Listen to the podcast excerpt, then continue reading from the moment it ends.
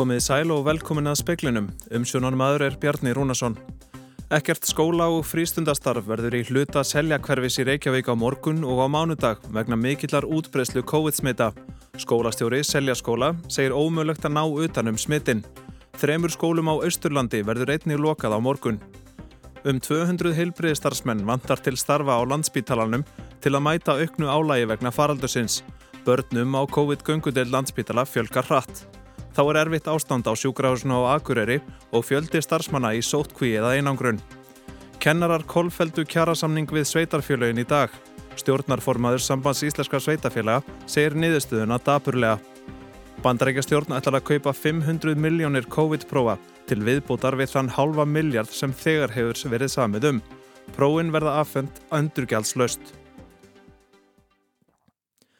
Ekki verið tekist að ná utanum útbreðslu og fjölda COVID-smita í seljaskóla í Reykjavík en ekkert skóla og frístundastarf verður í stórum hluta hverfisins á morgun og á mánudag. Skólastjóri skólans segist hreinlega ekki vita hversu margir séu smitaðir.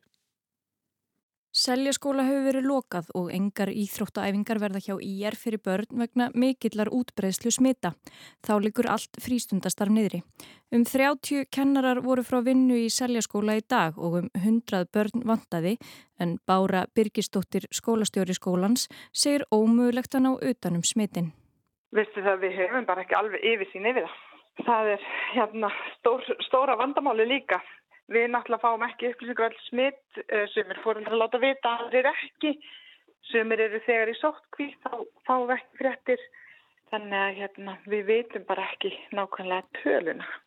Staðan í skólanum hafi sjaldan verið verri og aldrei erfiðar að ná yfir sín. Núna er þetta bara orðið svo mikið tíðnismita. Börn er ekkert mjög veik. Ég hef ekki heyrt það miklu um alvarlegum veikindum og einn starfsmenninu okkar hafa ekkert verið mjög veikir. En tíðnin er það mikil að við bara náum ekki að halda undan um þetta og við erum á hlaupum hérna. Bára tilur þó ekki víst að herða þurfi sérstaklega aðgerðir í skólum en segir að mögulega hefði mótt koma í veg fyrir þessa stöðu mála. Ég hugsa að þessi staða væri önnur ef við hefum fresta skólastarfi eins og Þórólu laði upp með og það hefði kannski verið gott að gera það. Þetta, þetta, þetta er blendir. Saði Bára Birgistóttir, Solveig Klara Ragnarstóttir tók saman.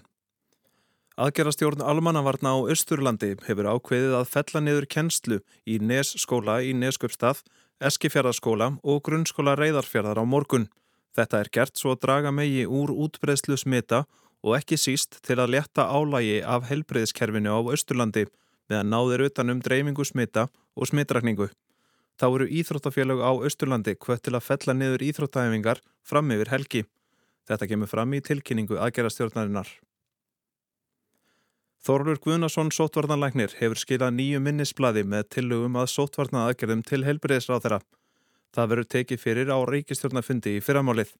Núgildandi ráðstafanir voru framlengdar um þrjár vikur á þriðjudag en Þorlur segir flest benda til að súreglugjert dugi ekki til að ná daglegum fjölda smita niður í 500 sem er nú markmiðið. Róðurinn á landsbítalunum er enn að þingjast að sög Guðlega Rakelar Guðjónsdóttur starfandi fórstjóra. Miða við það að manna gjörgæslu deildirnar, það sem upp á vantar þar og COVID-legu deildirnar, að þá erum við að tala um svona cirka 200 stöðugildi. Bæði hjókunarfræðingar og sjúkrarlegar aðeila sem ég er þá að tala um núna og e, það vantar ef að framheldur sem horfir hérna gjörgæslunni tæplega 100 stöðugildi og svipað inn á COVID-legu deildunum. Og hvað gerir þið í þessu? Það er náttúrulega kannski fátum fína drætti í rauninni nema að byggja fólk um að auka vinnuframlag með einhverjum hætti og reyna að fá til okkar fleira fólk og fleiri hendur og við erum sannarlega að gera það. Og dugur það til? Það, við höfum svona sloppið fram að þessu en nú er náttúrulega spáin að þingjast og róðurinn er að þingjast. Þannig að uh, við þurfum að sjá að hvernig þessu næstu dagar verða hjá okkur og og hvernig svona helgin verður. Segir Guðlaugur Rakel Guðjónsdóttir, Holmfríð Dani Fríðjónsdóttir talaði við hana, nánar verður rætt við Guðlaugur Rakel síðar í speklinum. Mjög þungt ástand er nú á sjúkurhásun á Akureyri og allar legodeldir fullar. Nokkri starfsmenn eru í sóttkví eða einangrun og foreldrar frá vinnu með börn heima í sóttkví. Forstjórun segir að það er því erfitt viðregnar ef smitum fjölgaði frekar á Norðurlandi. Eitt sjúklingur liggur nú á sjúkrahúsun og Akureyri með COVID en þó ekki á gjörgjæslu. Engu að síður segir Hildegunni Svavastóttir fóstjóri sjúkrahúsins mikinn viðbúnað þar vegna faraldusins sem hafið áhrif á aðra starfsemi. Og eins og staðan er í dag að þá er mjög þungt ástand á sjúkrahúsinu vegna annar ástana og legodildir hjá okkur fullar. Þá erum við líka að horfa fram á manneklu vegna þess að það eru nokkru starfsmenn í sótkví eða einangrun og ekki síst að fóreldra barna sem er í sótkví sem ekki geta þá mætt til vinnu að þetta farið að hafa kelljandi áhrif á okkur. Þá hafi neyðarstegu bæði hjá almannavörnum og landsbítaralum einning áhrif. Þannig að við erum til dæmis að taka í sjúklingu frá landsbítalanum sem hefur áhrif á okkar þjónustu. Eh, við sendum starfsfólk á landsbítalan Því er þið afar erfitt viðurregnar ef smittum fjölgaði enn frekar á starfsvæði sjúkrahúsins. Og eins og staðinni núna þá erum við með mjög lítið af valaðgerðum í gangi vegna þess að aðstæður bara leifa það ekki í dag. En ef það kæmi hér enn stærri bylgja þá fyrstum að stöðva ennþá meiri þjónustu og þá eru við fannast nú okkur líka að göngutilda þjónustu og fara bara inn í bráðastarfseminna alveg og að halda áforma að færa til fólk á milli eininga þannig að við getum synt þessum sem að mest veikir eru. Þetta var Hildigunni Svavastóttir, Ágúst Ólafsson talaði við hana. Kennarar kolfeldu kjærasamning félags grunnskólakennara og sambands íslenska sveitafélaga í dag. Tæplega 70% þeirra sem voru á kjörskrá greitu atkvæðu um samningin sem var undirritaður 30. desember. Niðurstaðan var ljós eftir hádegi í dag og Þorgerur Lauvið Didriksdóttir, formar félags grunnskólakennara, segir að niðurstaðan sé skýr. Niðurstaða kostningana var kýrskýr. Félagsmenn þar að segja 73,71% þeirra sem tóku þátt í atkvæðagreðslu um þennan kjærasamning höfnuðu samningnum og þar með er vilji félagsmanna kýrskýr og liggur á borðinu og í tölum. Aldís Hafsteinsdóttir, stjórnarformaður sambands Íslarska sveitafélaga, segir það mikil vonbriði að kennarar hafi felt kjærasamning í atkvæðagreðslu. Sambandið og viðsennmundur þeirra hafi talið sér leggja góðan samning á borðið. Við heldum við værum með samning sem að fórusta félags grunnskólakennara var sátt við myndi tala fyrir og styðja af heilum hug og ég trúi svo sem ennþá að það hefði verið þannig en, en af einhverjum ástæðum voru þau ekki í það góðum samskiptum eða sambandi við sína umbjóðendur að þeir væru sama sinnis. Segir Aldís Hafsteinsdóttir, nánar verður rætt við hana síðar í speklinum. Andrés Bretaprins hefur afsalað sér herrtegn og konunglegum tittlum og verður ekki lengur hægt að kalla hann yðar hátegn. Í tilkynningu frá Buckingham Höll segir að hlutverkum Andresar verði skipt niður á aðra í konungsfjölskyldunni. Andres hafði árið 2019 sagt sér frá konunglegum skildum. Bandarækjastjórn ætlar að taka á vaksandi fjölda smita af veldum ómikrón aðbreyðis koronavirunar með því að kaupa 1 miljard COVID-prófa og dreifa þeim ókepis. Í vesturheimi likja fleiri á spítala um þessar mundir af völdum veirunar en nokkur sinni frá því að heimsfaraldurinn braust út. Joe Biden fórseti tilkynnti í dag að stjórnvöld hefðu ákveðið að kaupa 500 miljónir COVID-prófa til viðbótar við þann halva miljard sem þegar hefur verið samið um. Hilbyrðisifurvöld hafa verið undir þrýstingið undanförnu vegna skorts á prófum. Þar á leiðandi hefur gengið verri en ella að halda skólum opnum og fólki í vinnu eftir því sem smittum afvöldum ómikrón afbyrðisins hefur fjölgað.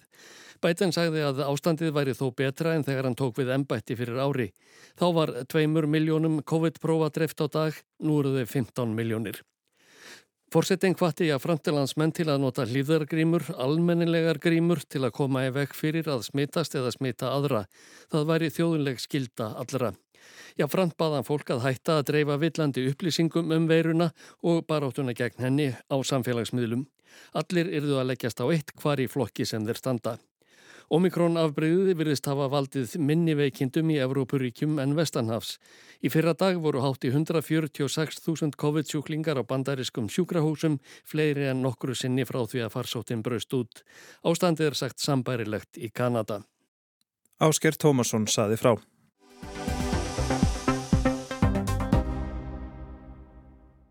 Það er þungur róður á landsbítala. Þetta kann að hljóma kunnulega. Spítalinn hefur verið á neyðarstíi frá því rétt fyrir áramót og í vekunni lístu almannavarnir yfir neyðarstíi sínu vegna farsótarinnar. Sjúklingum sem liggja inni með COVID-19 fjölgar dag frá degi. Í dag eru þeir 43, þar af 6 á gjörgjastlu. Lengi hefur verið vandamálað manna spítalan svo að allt gangi smurt fyrir sig Ótti stjórnvalda er sá að innlögnum fjölgi á næstunni vegna þess geigvanlega fjölda smita sem hefur greinst frá því að yfirstandandi bylgja tóka rýsa um miðjan desember. En nú, eins og svo ofta áður, stendur spítalinn frammi fyrir reysastóru verkefni að halda heilbreyðskerfinu gangandi. Það vofir yfir að greipið verði til hertra samfélagsleira takmarkana. Landlegnir saði til að mynda í hátæðisfrettum að staðan hefði sjaldan eða aldrei verið þingri frá því faraldurinn hófst. Guðlur Rakel Guðjónsdóttir, fórstjóri landsbítalægur, kominn hingað í speilin. Velkomin. Já, takk það. Brekkan hefur oft verið ansi brött hjá landsbítalægin, svo maður spyrir bara reynd út. Hvernig ætlið það að gera þetta á næstunni? Já, það er vonu spyrjur. Eh, það er eins og þú segir að, að eh, landsbytali er á neyðastíði. Hann er búin að vera það síðan 28. desember og sjúklingum hefur nú fjölgað síðan þá og bæði í COVID-gengudeldinni og líka í innlögnum. Þó að kannski gjörgjastlan hafa mörguleiti verið bara svipuð en, en innlögðum sjúklingum fer fjölgandi. Og eins og kom fram í, í ingangin mjög þér að þá eru sagt, 43 sjúklingar inni og uh, það sem er kannski við erum að sjá í faraldurinn núna að hlutfall batna í COVID-göngudeldinu eikst og það er í kringum 2600 börn á, í COVID-göngudeldinu og það er mjög mikið og hérna og, uh, og það eru 5700 fullornir eins og við höfum uh, flokkun sjúklingana á COVID-göngudeldinu eftir, eftir bráðleika eða eftir veikindum og í morgun það voru 229 af þessum sem voru í gungudeldinni á gulu sem eru sjúklingar sem þarf að fylgjast vel með og eru líka að koma inn til meðferðar á gungudeldinni til að fá veirulif eða vöku eða hvað sem það er. Þannig að COVID eh, sem slikt eh, hefur áhrif á allan spítalan, ekki bara á COVID-göngudeldina og gjörgjastlutnar og þá COVID-legudeldinnar því að það verða svona ákveðin rauðningsáhrif á alla aðra starfsemi og meðal annars á uh, aðgerðir, skurðaðgerðir og við erum með 45% eh, af skurðstofunum í gangi hjá okkur núna þannig að þetta hefur gífurlega áhrif á aðra starfsemi. Þannig að það verði eitthvað svona snjóbolta áhrif? Já, akkurat. Og hvernig getið þið svo tekið á því í framhaldinu? Já, það er góð spurning. Það sem við erum kannski svolítið að horfa á núna er eh, hvernig ætlum við að koma okkur í gegnum þennan skapl og uh, miða við COVID-spána að þá, uh, þá lítur það ekkert sérstaklega vel út. En, en jákvæðu fréttinnar eru samt þær að við, það lítur út fyrir að við séum svona í bjart sítni hluta eða líklegri hluta spárinnar en ekki í svart sínasta hlutanum sem er náttúrulega mjög gleðilegt. Og við erum að reyna að manna með tilliti til líklegu spá, spárinnar. Og uh, eins og hefur komið fram að þá vantar okkur gríðarlega heilbriðistarsfólk og við höfum verið að taka það út með að við líklegu spanna þá erum við að tala um cirka 200 stöðugildi. Á hvaða sviðum er það? Er það aðalega sjúkrarlegar eða hjúkurnafræðingar? Já, þarna erum við aðalega að horfa til hjúkurnafræðinga uh, á gjörgjæslu og COVID-legu dildunum og sjúkrarlega. Og hvaðan á þetta fólk að koma? Já, það er vonað og spyrir og hérna því það er eh, takmörku öðlind, heilbriðið starfsfólk er takmörku öðlind og eh, þannig að við þurfum meili raun og veru að fá auki vinnuframlag frá fólki til þess að þetta gangi og fólk er virkilega búið að gera það í faraldrinum að auka vissi vinnuprósentu og, og hérna og auka vinnuframlag. En við höfum líka verið að fá fólk annar staða frá og við höfum verið að fá fólk frá öðrum heilbriðstofnunum svo til dæmis Akureyri e, og við höfum verið að fá starfsfólk frá klínikinni og það er verið að skoða aðra möguleika. Eins og hverja? Já, meðal annars bara sjálfstæst þarfandi e, heilbriðstjónustu. Já, það er mikið mætt á ykkar starfsfólki sem þó er til staðar, það er staðið þessari baróttu mánuðum og jáfnvel árum saman. Já. Er mikið brottfall úr starfsliðinu?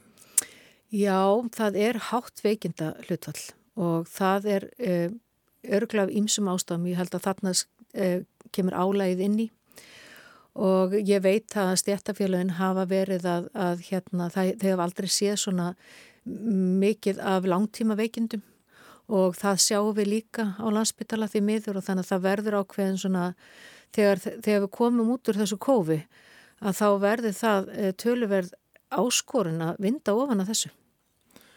Már Kristjánsson, formaði farsóttanendar, hann saði ekki að hann vilji grýpa til hertrað aðgerðaði samfélaginu.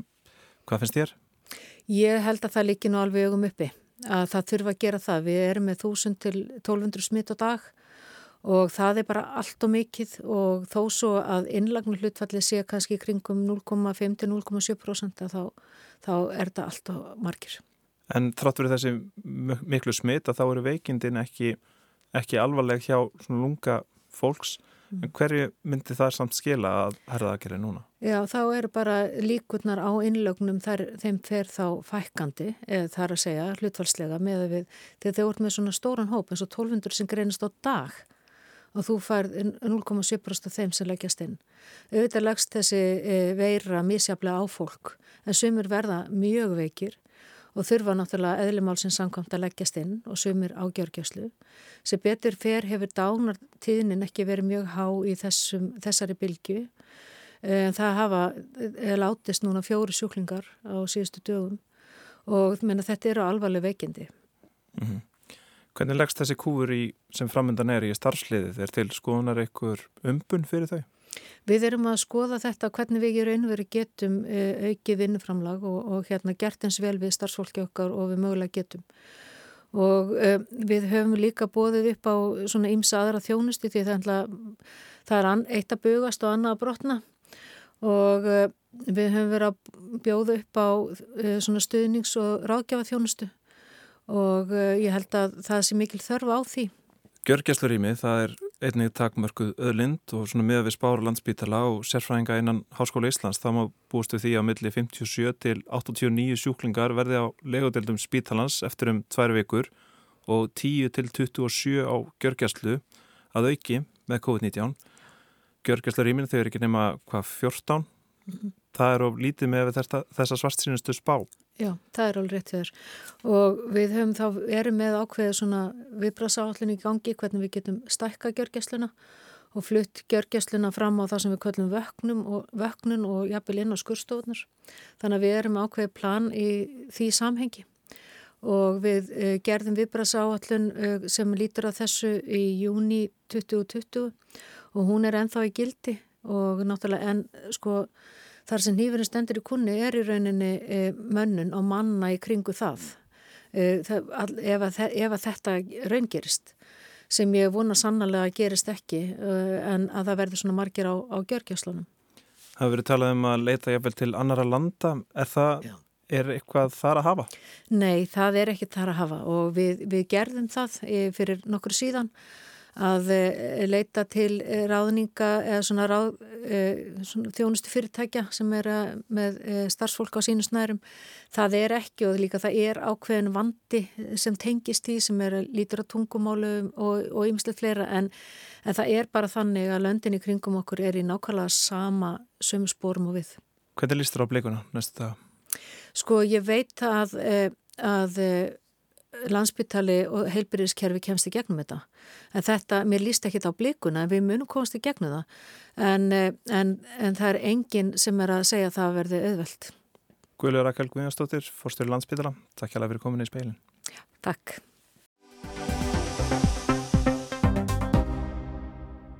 Grunnskólakennarar kolfeldu í dag kjærasamning við samband íslenska sveitafélaga. Atkvaðagreislu um kjærasamningin lauk á hádegi í dag og var niðurstaðan svo að neyðsöðu tæp 74% og tæpur fjórðungur saði já. Lífskjara samningurinn svokallaði við heildar samtöku launafólks var undirritaður í april 2019 en grunnskólakennarar sömdu í byrjun september 2020. Sá samningur var til 16 mánada og náði til 5400 kennara. Ekki náðist samkommulagum útfæslu á styttingu vinnutímans og álaskreðslur meðal annars vegna koronaviru faraldusins.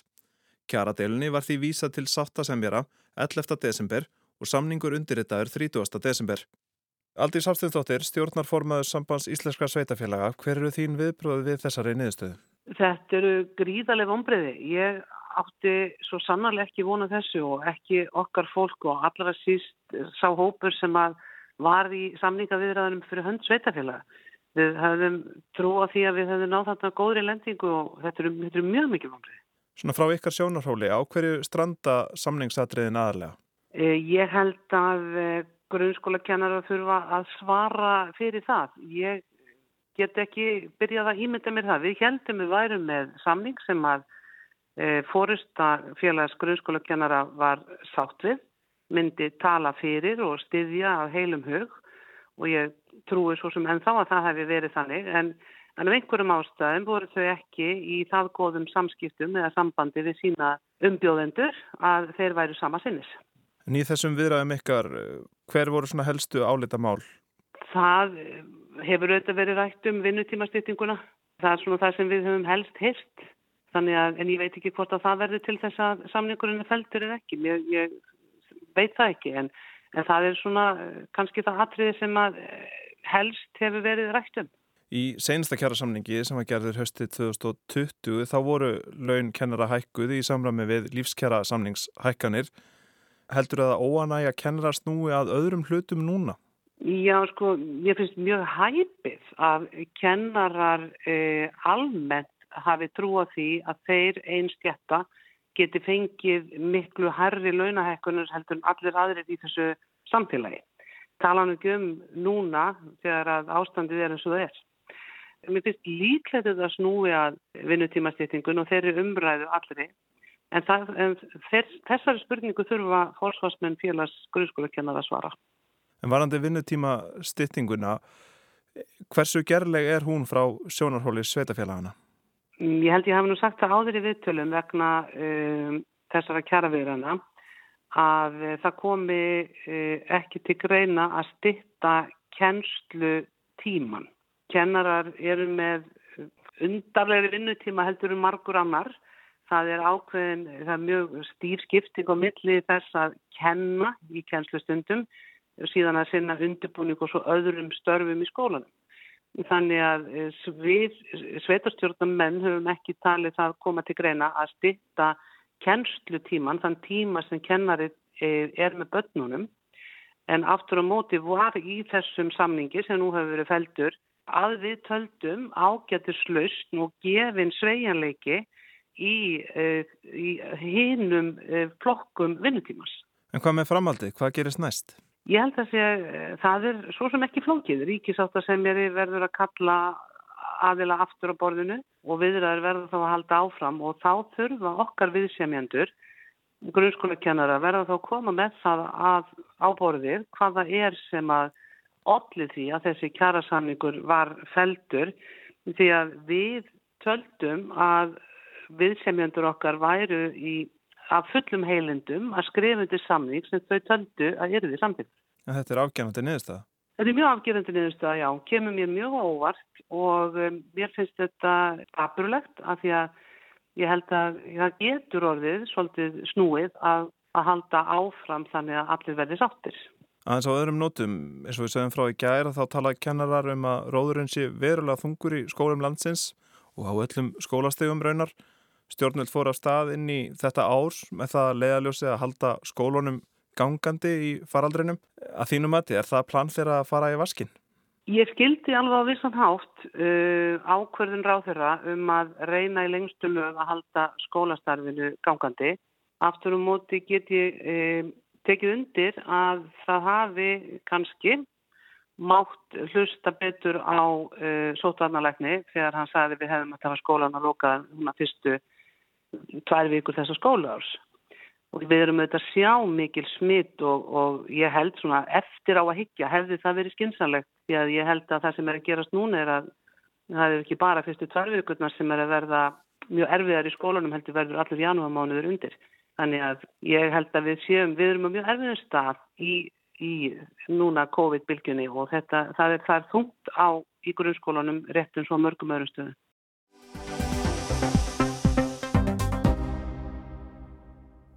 Jens Stoltenberg er í eldlýrunni, ekki bara í þrætum við rúsa, heldur vegna þess að hann langar að verða seðlabankastjóri í Noregi, núna þegar hann hættir sem framkvæmdastjóri NATO. En var það ekki liðin tíð í Noregi sem öðrum löndum að, ráð gamla, að ráða gamla stjórnmálamenn til að gæta peninga landsmanna sinna? Gísli Kristjánsson. Vandin er tvíþættur. Annars vegar er áratuga löng vinátt að norska fórsættisráðrans og núverandi framkvæmdastjóra NATO. Hins vegar eru evasemtirnar um að skipa beri gamlan stjórnmálamann til að verða aðal ráðamaður um peningamál landsins. Þetta er þekkt vandamál sem komið hefur upp í mörgum löndum. Íslendingar hafa langa reynslu af skipan stjórnmálamanna í ennbætti Sæðlabankastjóra og að Sæðlabankastjórin reynist á náinn vinur og samverkamaður á þeirra í stjórn landsins. Tengsla þessu tægi hafa oftast verið talin veikleiki óháð því hvort hinn nýji Sæðlabankastjóri sé hæfur til að gegna ennbættinu eða ekki.